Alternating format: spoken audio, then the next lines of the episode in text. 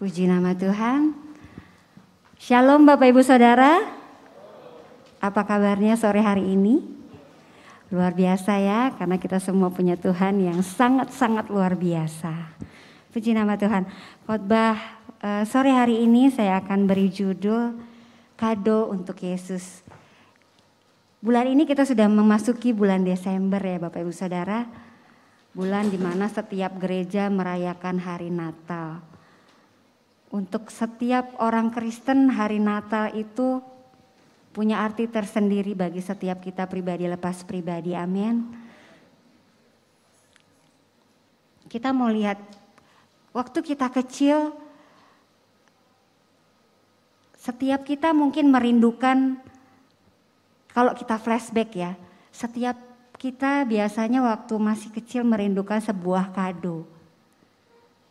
Kado Natal apa sih yang bakalan aku terima nih dari mama papa? Apa yang bakal aku terima dari orang yang aku kasihi? Sadarkah saudara, ketika kita dewasa, kita harus memiliki punya punya pola pikir uh, bahwa Tuhan dulu terlebih dulu sudah memberikan kado buat kita. Pernah nggak terpikir sama saudara, Bapak Ibu Saudara di tempat ini? Tuhan sudah terlebih dulu memberikan kado buat kita. Apa bentuknya? Kelahiran Tuhan Yesus di dunia. Amin. Kita mau buka di Roma 12 ayat 1. Media boleh dibantu?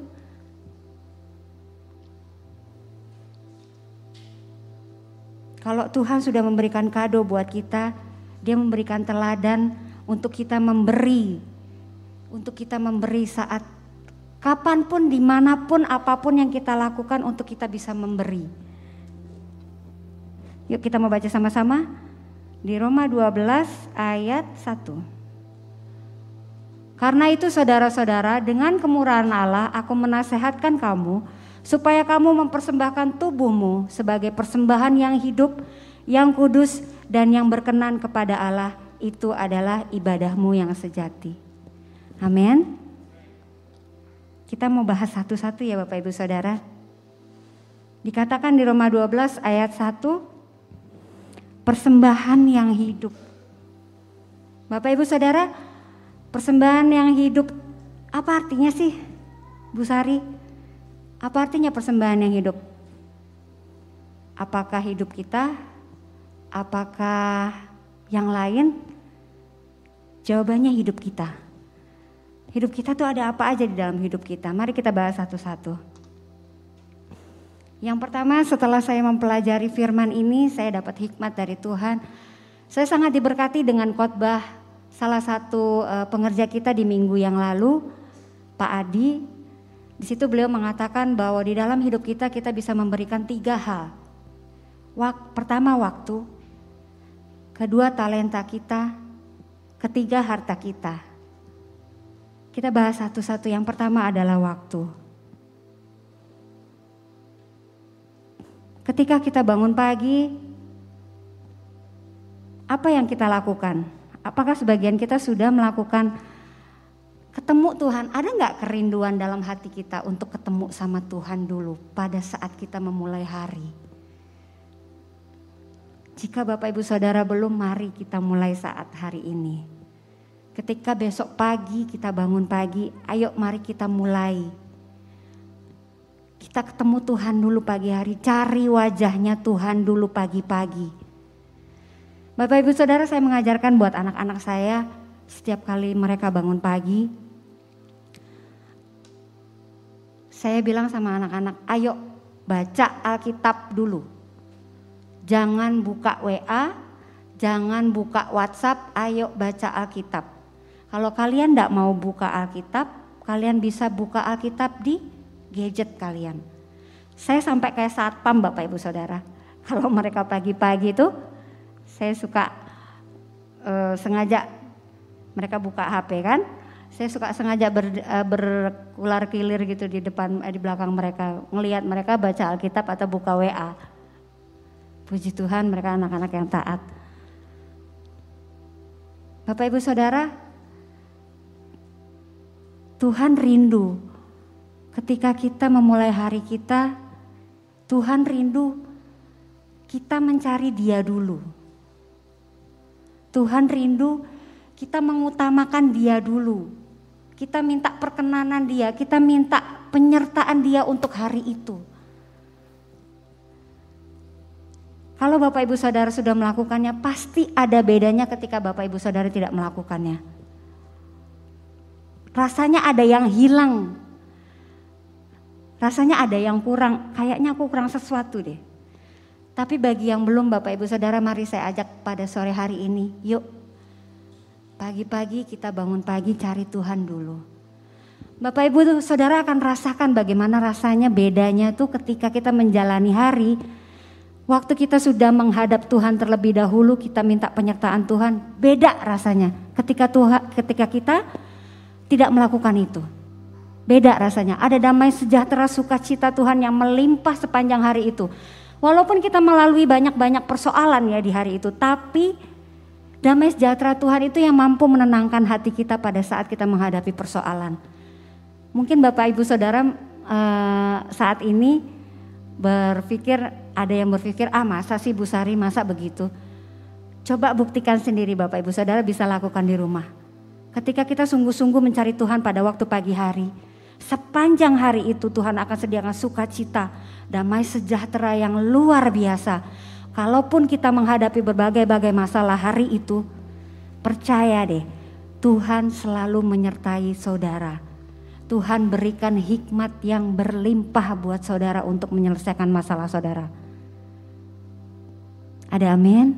Saudara mau melakukannya? Amin. Puji nama Tuhan.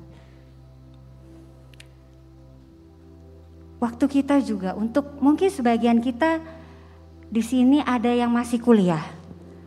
Ada yang sudah bekerja, ada yang sudah berkeluarga, ada yang sebagai pengusaha, ada yang sebagai pegawai, sebagai bos, manajer, mungkin di sini ada semua. Mari Bapak Ibu Saudara kita nggak akan kekurangan waktu. Satu hari 24 jam Tuhan cuma minta satu jam aja. Kalau bisa lebih, puji Tuhan. Tuhan gak minta banyak-banyak dari waktu kita. Tuhan gak minta satu hari full kita uh, bertemu sama dia. Tapi kalau itu bisa saudara lakukan, luar biasa. Tuhan senang banget. Mari Bapak Ibu Saudara untuk adik-adik teman-teman yang yang kuliah, Bapak Ibu Saudara yang sudah bekerja, kalau memang kita pagi-pagi harus misalnya setengah enam kita mesti bangun pagi, jam lima, jam setengah lima kita bangun buat Tuhan. Kalau misalnya jam lima kita harus bangun, jam empat kita bangun buat Tuhan. Kadang-kadang mungkin ada ada dagingnya sedikit ya, ketika kita bangun pagi itu rasanya males gitu ya saudara ya. Ah males ah Tuhan, masih jam segini nih Tuhan.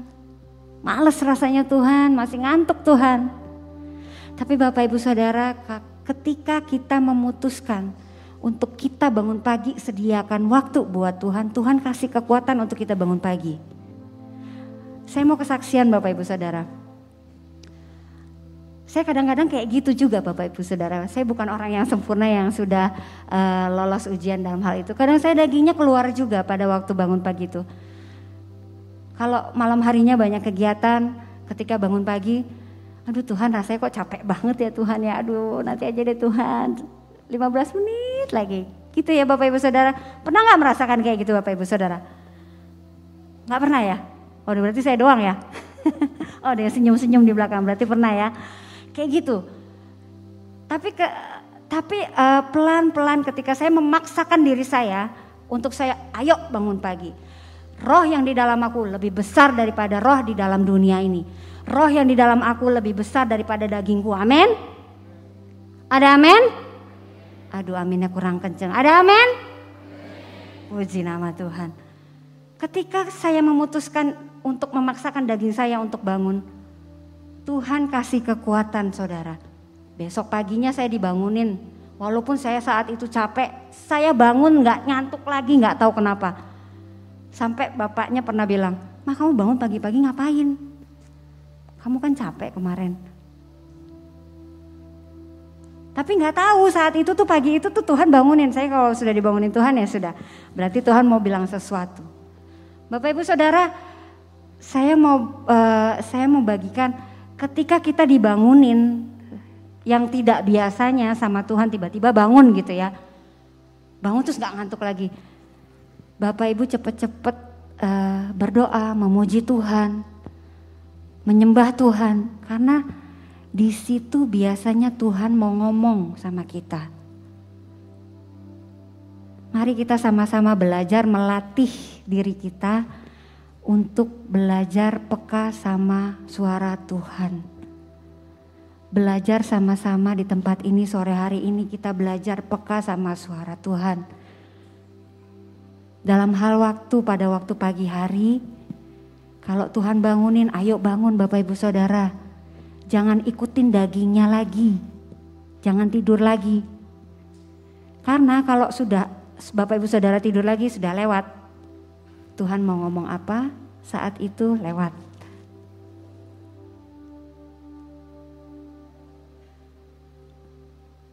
Oke, puji nama Tuhan. Yang kedua, talenta kita. Setiap manusia diberikan Tuhan satu talenta minimal.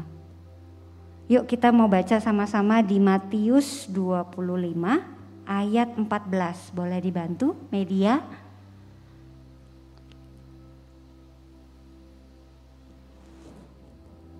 Matius 25 ayat 14.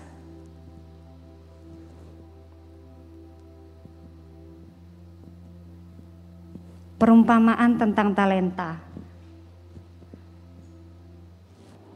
Sorry uh, ayat yang ke-15 ya ayat yang ke-15 Matius 25 ayat 15 yang seorang diberikannya lima talenta, yang seorang lagi dua, dan yang seorang lagi lain lagi satu.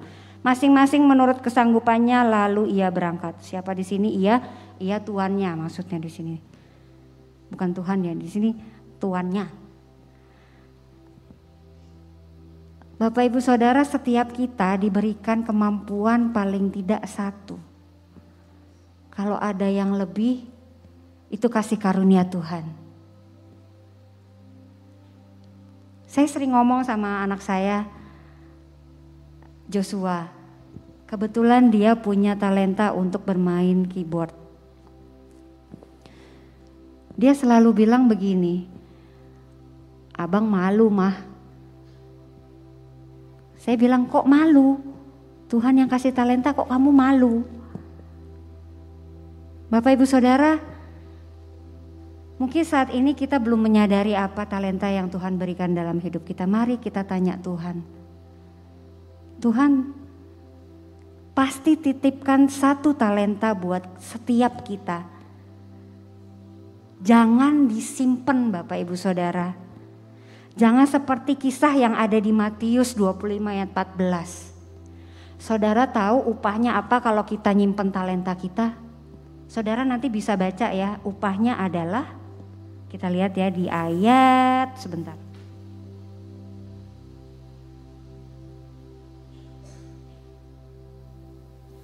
Di ayat yang ke-30. Saya bacakan buat saudara ya. Dan campakkanlah hamba yang tidak berguna itu ke dalam kegelapan yang paling gelap. Di sanalah akan terdapat teratap dan kertak gigi. Ngeri nggak saudara? Ngeri saudara. Saya ngeri waktu baca ini. Saya minta ampun sama Tuhan. Tuhan kalau saya punya talenta yang tidak saya sadari. Tuhan tolong berikan ingatkan saya, infokan kepada saya. Bapak, Ibu, Saudara, saya mengajak sore hari ini setiap kita pasti memiliki talenta yang Tuhan berikan. Ayo mari gunakan jangan disimpan. Mari gunakan untuk kemuliaan nama Tuhan.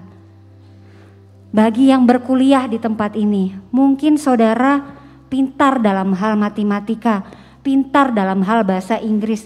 Ayo jadi berkat buat teman-teman di kampus. Buat Bapak Ibu Saudara yang jadi karyawan, mungkin Bapak Ibu Saudara dalam uh, hal manajemen, dalam hal keuangan, Bapak Ibu Saudara pintar. Ayo jadi berkat. Gimana caranya jadi berkat? tidak melakukan yang tidak berkenan di mata Tuhan. Apa contohnya? Korupsi, memalsukan dokumen, itu tidak berkenan di mata Tuhan. Walaupun kelihatannya baik, awalnya kelihatannya baik, tapi ujungnya dosa. Dosa itu upahnya maut Bapak Ibu Saudara ya. Tuhan tidak pernah lihat kecil atau besarnya dosa kita. Setiap dosa upahnya maut.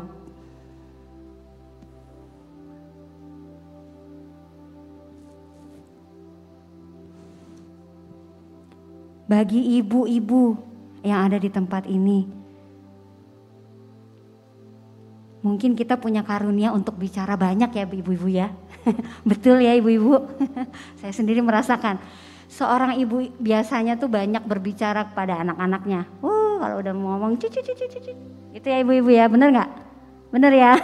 Ada ibu ya ini di, di depan nih, ngangguk-ngangguk. Ya bu ya. Mari perkataan kita jadi berkat buat anak-anak kita.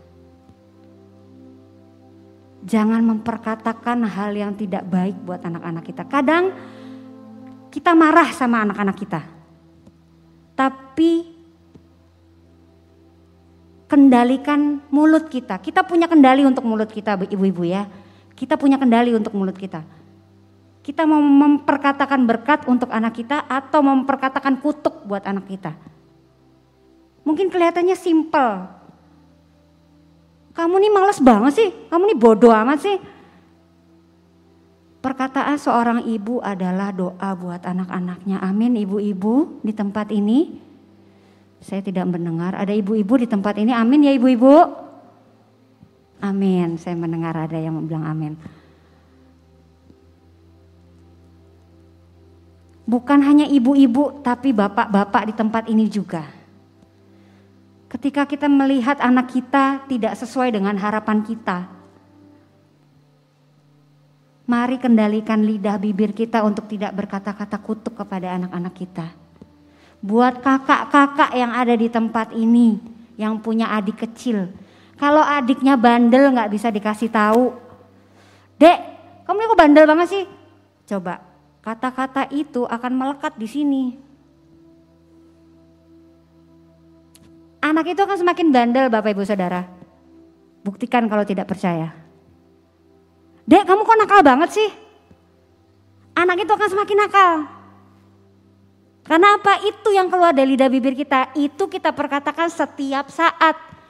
Doanya numpuk, numpuk, numpuk, numpuk.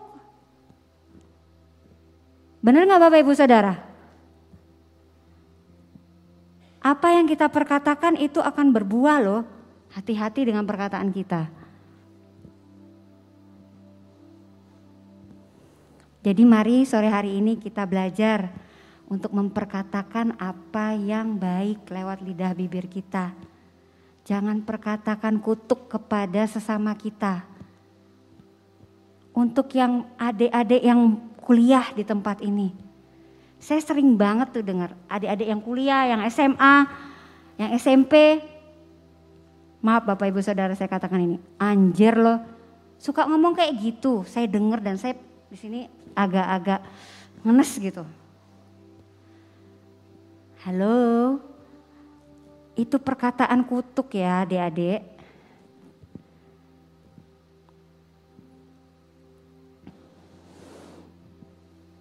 Anjir apa sih? Anjing kan? Anjing itu hewan. Berarti kita menubuatkan orang itu jadi anjing. Benar nggak? Kita perkatakan itu terus yang keluar dari bibir kita. Apa yang kita perkatakan nanti itu akan berbalik sama kita Bapak Ibu Saudara. Coba Bapak Ibu Saudara rasakan ketika kita dimaki-maki sama orang enak gak rasanya? Gak enak ya? Ada yang pernah seneng dikatain sama orang? Wih asik saya dikatain. Ada gak sih yang pernah kayak gitu? Gak ada kan? Rasanya gak enak Bapak Ibu Saudara dimaki-maki orang. Jadi ayo sore hari ini mari kita belajar kendalikan perkataan kita, talenta yang kita punya yang dikasih Tuhan, ayo pergunakan untuk kemuliaan nama Tuhan. Jika Bapak Ibu Saudara di tempat ini memiliki kemampuan untuk melayani Tuhan di gereja, dalam hal apa saja jadi aser, jadi pendoa, jadi singer, jadi WL, jadi multi uh, orang multimedia yang banyak peralatannya. Ayo mendaftar, ayo saya mengajak sore hari ini untuk Bapak Ibu Saudara. Ayo pakai talenta yang Tuhan titipkan dalam hidup kita. Talenta tuh kita melayani bukan hanya di gereja tapi ya. Bapak Ibu Saudara kita bisa menjadi berkat ketika justru kita ada di luar sana. Bukan hanya di atas mimbar Bapak Ibu Saudara. Bukan hanya mereka yang main musik, bukan hanya mereka yang menyanyi di sini, bukan hanya mereka yang ada di depan sana. Bukan. Kita bisa melayani Tuhan di mana saja. Tuhan bisa pakai kita di mana saja. Di kantor, di toko, di sekolah, di pasar, di rumah sakit. Bapak Ibu Saudara saya mau saksikan kebaikan Tuhan buat hidup saya. Tahun 2019 saya mengalami kecelakaan uh, pada tahun 2021 ya Pak ya, yang operasi di Jakarta. Operasi saya ketiga di Jakarta, saya diizinkan Tuhan untuk saya sendirian. Tidak ada satupun yang menemani saya saat itu karena bukannya mereka tidak mengasihi saya, tapi ada prioritas yang lebih penting. Saya punya anak tiga di Bengkulu, jadi suami saya tidak bisa meninggalkan mereka. Jadi saya hanya ditemani dia sampai seminggu. Lalu eh, kakak saya ada dua, tapi Tuhan izinkan hari itu mereka tidak bisa menemani saya untuk operasi. Tapi Tuhan luar biasa baiknya. Di situ Tuhan pakai saya di rumah sakit untuk jadi berkat untuk sesama pasien. Beri kemuliaan buat Tuhan.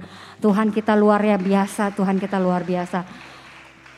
Bapak Ibu Saudara saya di situ statusnya pasien. Tapi Tuhan bisa pakai saya yang sebagai seorang pasien untuk menjadi berkat buat orang lain yang sesama pasien juga. Jadi saya mau bilang saat ini apa pun kondisi kita, kalau kita mau jadi berkat, bilang sama Tuhan saya mau jadi berkat dalam hal apa pun, dalam situasi apa pun. Tuhan pakai saudara dengan luar biasa. Di mana pun saudara berada, itu pasti Tuhan kerjakan. Kalau dalam hati saudara sungguh-sungguh minta sama Tuhan untuk jadi berkat buat sesama kita, itu Tuhan kerjakan. Itu permintaan yang tidak akan Tuhan tolak. Ada amin saudara? Kita mau jadi berkat buat sesama kita, amin? Mari katakan kiri kannya, ayo kita jadi berkat. Haleluya, puji nama Tuhan. Oke, yang terakhir. Yang ketiga, tadi sudah waktu, talenta yang ketiga adalah harta kita. Bapak Ibu Saudara, adakah dari kita yang tahu, maaf bukan tahu, adakah dari kita yang selama ini berpikir bahwa apa yang kita punya itu usahaku. Usahaku dari nol, dari aku nggak punya apa-apa. Nggak usah angkat tangan, saya nggak minta angkat tangan, tapi saudara bisa koreksi sendiri. Bapak, ibu, saudara, saya mau katakan hari ini, apa yang kita punya itu kasih karunia Tuhan. Bukan semata-mata hasil usaha kita semua yang ada dalam hidup kita itu kasih karunia Tuhan. Bukan hasil usaha kita. Harta yang kita punya itu dari Tuhan. Kalau Tuhan tidak izinkan Bapak Ibu Saudara punya harta yang banyak, kalau Tuhan tidak izinkan Bapak Ibu Saudara punya penghasilan, Tuhan bisa balik 180 derajat saat itu juga, detik itu juga.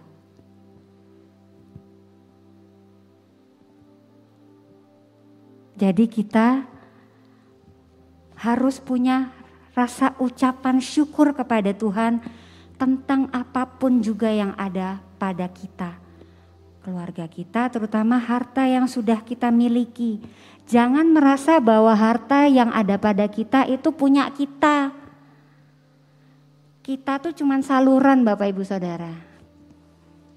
Di gereja ini gembala kita tuh sering banget ngomong, ayo memberi, menabur. Karena apa? Beliau sudah mengalami, beliau sudah menjadi saluran berkat Tuhan. Bapak Ibu Saudara jangan takut ketika kita memberkati orang, ketika kita bersedia untuk menjadi saluran berkat Tuhan. Berkat Tuhan itu kayak apa ya? Kayak sungai, selang gitu ya. Kita ada di tengah-tengahnya. Kalau kita jadi saluran berarti kita kan diberkati Tuhan toh. Jadi jangan takut Tuhan duit aku tinggal segini Tuhan. Duit aku tinggal 50 ribu. Ketika Tuhan gerakan saudara untuk memberikan itu ditabur untuk se, untuk seseorang atau untuk pekerjaan Tuhan, tabur saudara, tabur. Saya mau katakan tabur.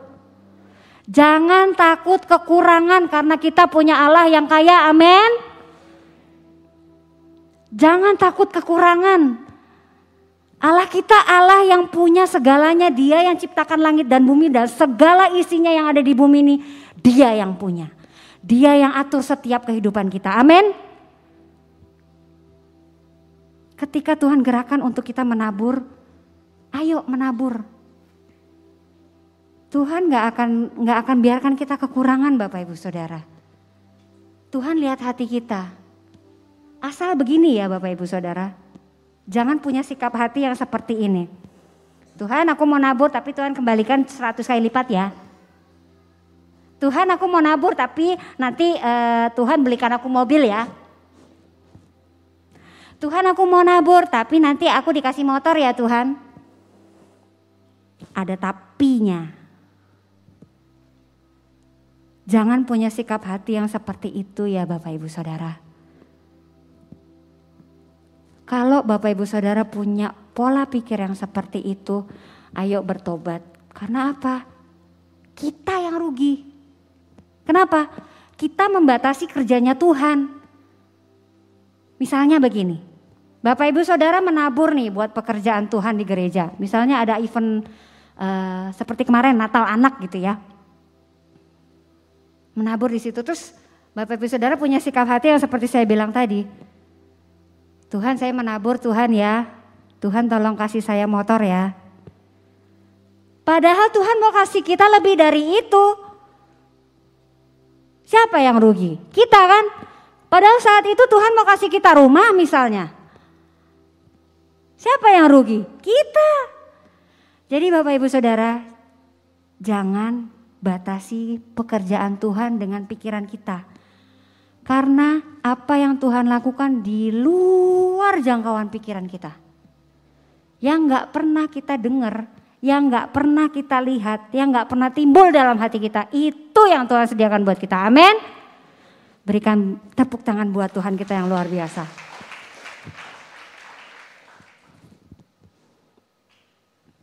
Puji nama Tuhan.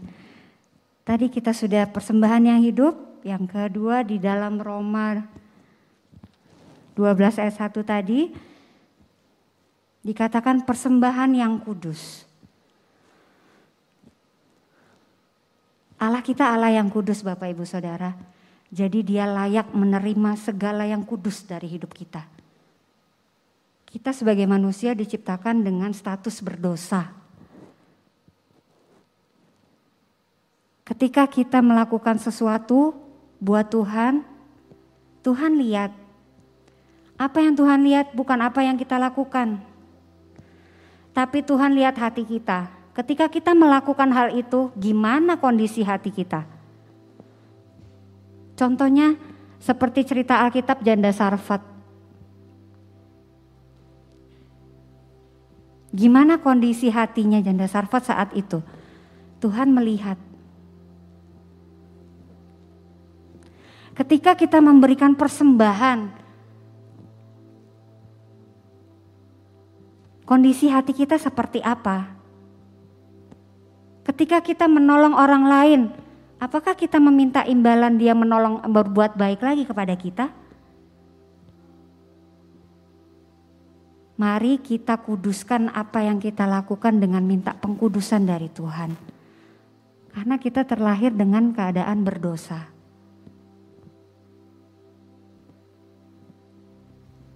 Setiap kita punya kerinduan untuk melayani Tuhan dengan segenap hati. Amin. Amin. Dan saya rindu, saya berdoa untuk setiap kita bisa melakukan apa yang Tuhan mau saat-saat hari-hari ini saya berdoa setiap kita bisa melakukan apa yang jadi maunya Tuhan, bukan apa mau kita. Bapak Ibu Saudara, hari Tuhan sudah semakin dekat. Ayo mari kembali kepada kasih kita yang mula-mula. Saat sore hari ini, dari semenjak pagi tadi saya mendengarkan firman yang saya terima adalah kasih mula-mula loh Bapak Ibu Saudara. Enggak tahu kenapa saya dapat itu. Dan sore-sore hari ini saya mau ajak Bapak Ibu Saudara, ayo kembali kepada kasih kita yang mula-mula sama Tuhan. Kita beri yang terbaik buat Tuhan. Ketika kita kasih kado buat Tuhan, ayo mari persembahkan hidup kita yang seutuhnya buat Tuhan. Hati kita yang murni bukan yang dibuat-buat yang ada embel-embelnya minta sesuatu sama Tuhan.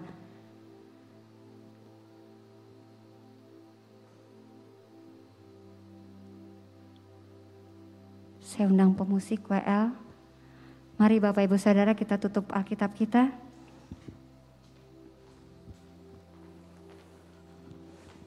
Saya undang Bapak Ibu Saudara untuk bangkit berdiri.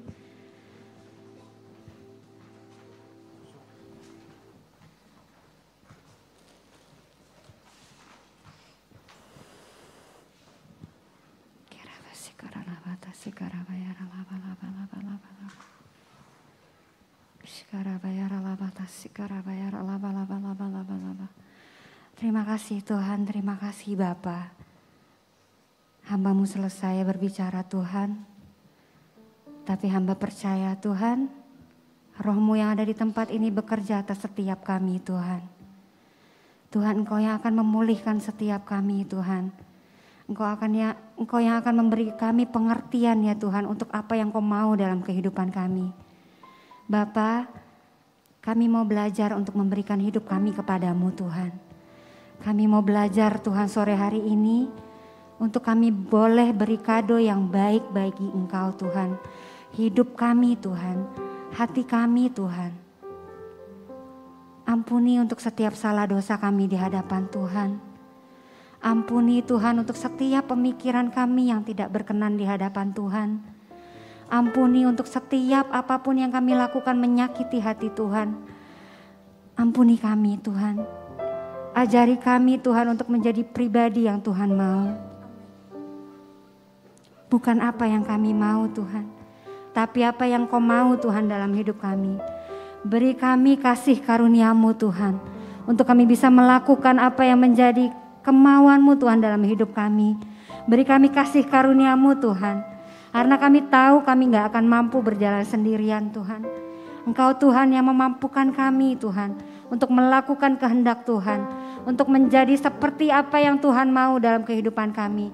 Sehingga rancangan Tuhan atas hidup kami sempurna Tuhan, sampai Engkau memanggil kami Tuhan. Terima kasih Bapak yang baik, terima kasih Tuhan.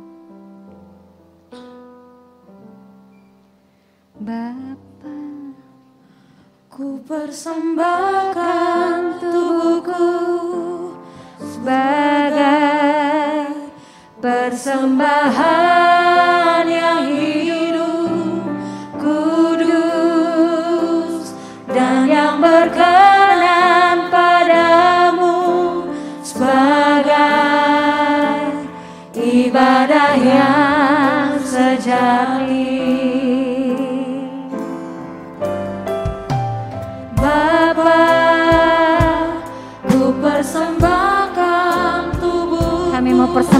Hidup kami di hadapanmu Tuhan. Sebagai persembahan kami yang hidup Tuhan. Persembahan yang kudus dan yang berkenan di hadapan Tuhan.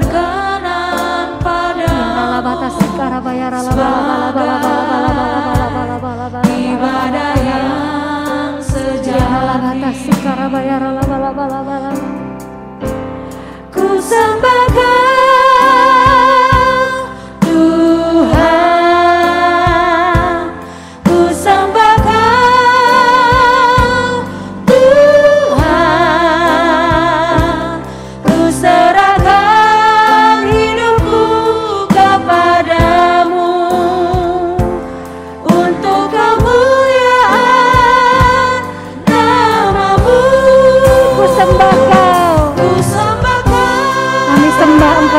tempat ini Tuhan. Sebab Engkau Allah yang layak untuk terima segala hormat, pujian dan kemuliaan